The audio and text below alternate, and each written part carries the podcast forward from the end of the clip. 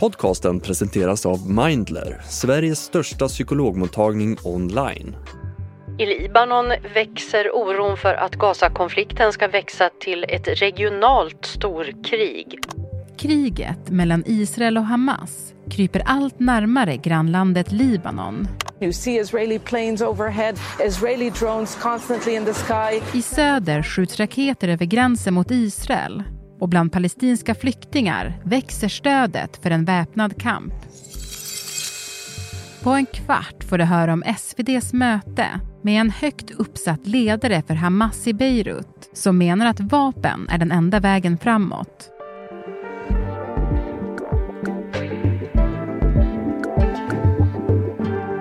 Det är den 11 december. Det här är dagens story från Svenska Dagbladet med mig, Alexandra Karlsson. Gäst idag, Lina Malers, frilansjournalist som skriver för SvD. Lina, du bor ju i Libanons huvudstad Beirut och bevakar flera länder i Mellanöstern. Och kriget mellan Israel och Hamas påverkar ju hela den här regionen. Eh, ja, det gör det ju verkligen.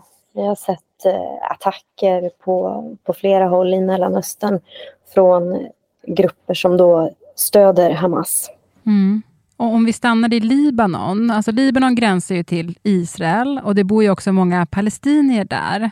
Hur märker man av kriget mellan Israel och Hamas i Libanon? Ja, men det märks överallt. I varje gathörn så hör du människor prata om det som händer på andra sidan gränsen och också det som händer då i, i södra Libanon. Det finns en stor oro att Israel och, och eller då Hezbollah ska trappa upp sina attacker. För redan dagen efter Hamas attack då, så sköt ju den shia-muslimska rörelsen Hezbollah raketer mot Israel. Och sedan dess har Israel och Hezbollah beskjutit varandra nästan dagligen. Och det är ju attacker som har tvingat över 50 000 människor i Libanon att fly. Och, och man är orolig där för att, att kriget helt enkelt kommer sprida sig också till Libanon? Ja, det har ju redan spridit sig till södra delarna av Libanon där flera tusen människor har lämnat sina hem och flytt till andra delar av Libanon. Och de har redan gått igenom en konflikt med Israel. Flera konflikter egentligen, men den senaste 2006 när nästan hela södra Libanon ödelades då av, av israeliska bomber. Så det finns en, en stor oro i Libanon för att den här konflikten ska dra in Libanon i ännu ett nytt krig. Och det finns ju många kopplingar mellan Israel, Palestina och Libanon. Jag menar bland annat är Hizbollah som du nämnde, de är nära allierade med Hamas.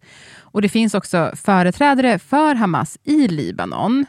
Och du har träffat en högt uppsatt företrädare. Men innan vi pratar om honom tänkte jag att du skulle kunna få ge oss en kort bakgrund. Hamas är ju terrorstämplat av EU, USA och Israel. Men hur bildades Hamas från första början? Hamas bildades eh, 1987 i samband då med den här första intifadan, ett folkligt uppror mot eh, Israels ockupation av palestinska områden. Och under 90-talet så började rörelsen då genomföra självmordsattacker mot israeliska mål, eh, soldater och civila. What justifies terrorism? Nothing does. And if we have terrorism, then what the international community should do is not find understandings of it, explanations of it, justifications of it, but to resoundingly and uniformly condemn it.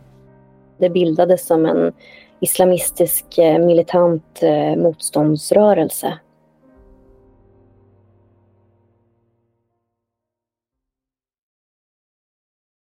Och som vi var inne på tidigare så har en del av Hamas politiska gren sin bas i Beirut. Och du har träffat en högt uppsatt ledare där.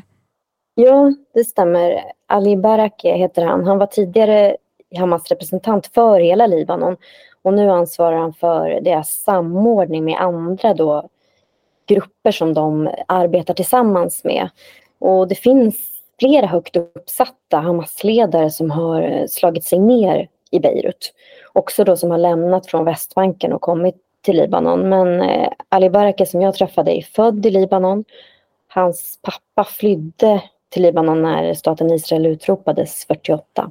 Mm. Och, och hur gick det till när du skulle träffa honom? Kan du liksom ge en bild? De har en officiell närvaro i, i Libanon med kontor i södra Beiruts förorter där eh, Hezbollah har ett starkt fäste för de är nära allierade Hamas och, och Hezbollah.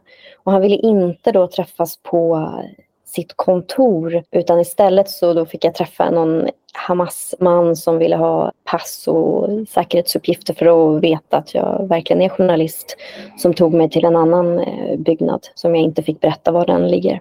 Och vad tänkte du själv inför det här mötet? Vad ville du få reda på? Nej, men jag ville veta hur de ser på det som, som nu pågår och vad, de, vad som är deras mål. Ja, men vad, vad, sa han om det då? Alltså, vad sa han om Hamas terrordåd i Israel den 7 oktober? Han sa att det från början var tänkt som en mindre attack. Att de trodde att de skulle kunna ta sig över de här säkerhetsbarriärerna och ta några gisslan som de då skulle kunna byta mot palestinier som sitter fängslade i israeliska fängelser. Men att han var förvånad över att de lyckades ta så många gisslan. Att de hade förväntat sig ett eh, större motstånd från Israel och från israeliska säkerhetsstyrkor. Mm. Han vill inte prata om Hamas övergrepp mot civila och varför de eh, dödade så många utan istället då lyfta fram hur Israel hade misslyckats med att, att skydda sin befolkning. Mm. Det han sa var att det huvudsakliga målet inte var bosättarna utan att de hade helst velat ha fler israeliska soldater eftersom de då är mer eh, värdefulla i fångutbyten. Vad sa han om Hamas mål då? Vad är deras mål framåt? Han håller fast vid att målet för Hamas är fångutväxling. Att de vill då få ut några av de här tusentals eh, palestinierna som sitter i israeliska fängelser. Mm. Var det någonting som förvånade dig eller som du tänkte extra kring av det han sa? Nej, men som han ser det så är vapen den enda vägen och det är en retorik som, som Hamas använder att det inte finns möjlighet då att förhandla med Israel. De lyfter fram att det har försökts i, i årtionden och har inte gett dem någon eh, stat än så länge. Mm. Så för Hamas att lägga ner vapen eller fredsförhandla med Israel, det såg inte han som ett alternativ då? Nej, men samtidigt så nämnde han att om nu USA vill se en tvåstatslösning så skulle ju Gaza och Västbanken kunna vara en. Hamas erkänner inte Israel som stat överhuvudtaget. 2017 så utfärdade de ett officiellt dokument där de då öppnar upp för en lösning efter gränserna från 1967. Men hittills har vi inte sett några tecken på att de verkar för en tvåstatslösning. De har motsatt sig de fredsförhandlingar som inleddes mellan PLO och Israel på 90-talet och har sedan dess bekämpat Israel militärt. Mm. I Libanon så finns det också många palestinska flyktingar och du har också besökt ett flyktingläger i Beirut. Vad säger de palestinska flyktingarna om hur de ser på, på kriget eller på Hamas? Ja, men I Libanons palestinska flyktingläger så följer människorna verkligen det som händer minut för minut. I varenda hem så ser du att tvn står på med livesändningar. Uh, for 60 days Palestinians have been experiencing uh, the worst of living conditions. Det finns också äldre som flydde till Libanon när Israel grundades som nu påminns om sin egen flykt när de ser de här uh, stora folkmassorna lämna sina hem. The mood of those 60 days has been death, destruction and displacement. I Libanon så finns ju många palestinska flyktingar som eh, lever under svåra förhållanden och inte ser särskilt eh, stora möjligheter. Och bland de palestinska flyktingarna i Libanon så finns en del anhängare av Hamas som då ser Hamas som den enda möjligheten kanske att kunna i någon gång återvända eller resa i en lösning där det skulle finnas en, en palestinsk stat, att de då skulle kunna få ett eget land. Att Hamas ses som en sådan möjlighet eftersom de politiska förhandlingarna hittills inte har lyckats så finns det i vissa läger ett stöd för det Hamas nu gör. Mm. Man ser i vissa kvarter att det är nedsprayat Hamas på, på väggarna och att de här traditionella palestinska ledarna, deras urblekta affischer på dem så har det klistrats över då affischer med Hamas-bilder. Men det här är inte människor som då lever i Gaza under Hamas styre som säger så, utan det här är ju folk som lever i eh, Libanon långt ifrån de här attackerna. Mm. Så är din bild att liksom stödet för Hamas har ökat sedan kriget i Libanon? Eller hur ska man förstå det där? Alltså det finns ju inga opinionsundersökningar på hur stort stödet är. Men efter attacken den 7 oktober så ser man de här nya affischerna som sitter uppklistrade och det finns människor som ser det här som en möjlighet att det händer någonting i den här konflikten som stått stilla i, i så många år. Mm. Absolut inte så att alla palestinier i, i Libanon är anhängare av Hamas, men det är en grupp som finns och verkar i Libanon och som har anhängare. Men under Hamas terrorattack i Israel så dödades tusen civila, över 200 togs som gisslan. Det var kvinnor och barn som utsattes. Jag menar, finns det också ett stöd för det här?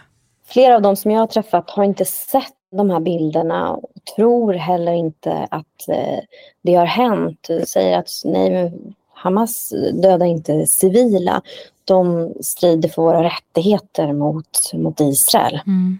Utan det de har sett och ser dagligen är Israels flygräder som, som dödar tusentals civila. Jag tror att det kanske är svårt att förstå i Sverige hur man kan på något vis tycka att Hamas kan representera någonting bra. Till sist Lina, jag tänkte du som eh, jobbar nere i regionen och bevakar, alltså vad tänker du om tiden framåt?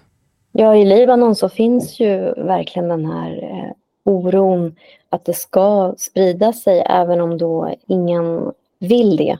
Det är en krigstrött befolkning som eh, inte vill se mer krig. Och för de palestinier som bor i Libanon och Beirut, hur ser de på sin framtid?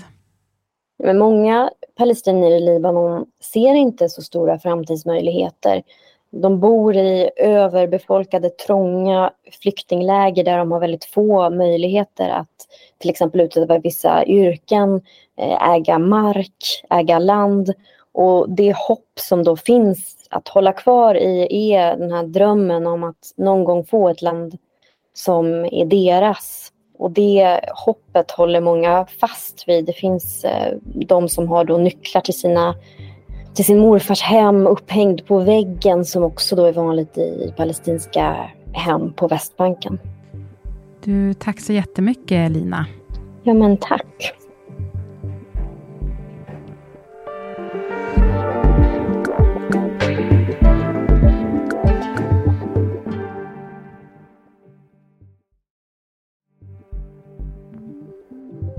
Och producent idag var Stina Fischer, redaktör Maxine Persdotter Wallström.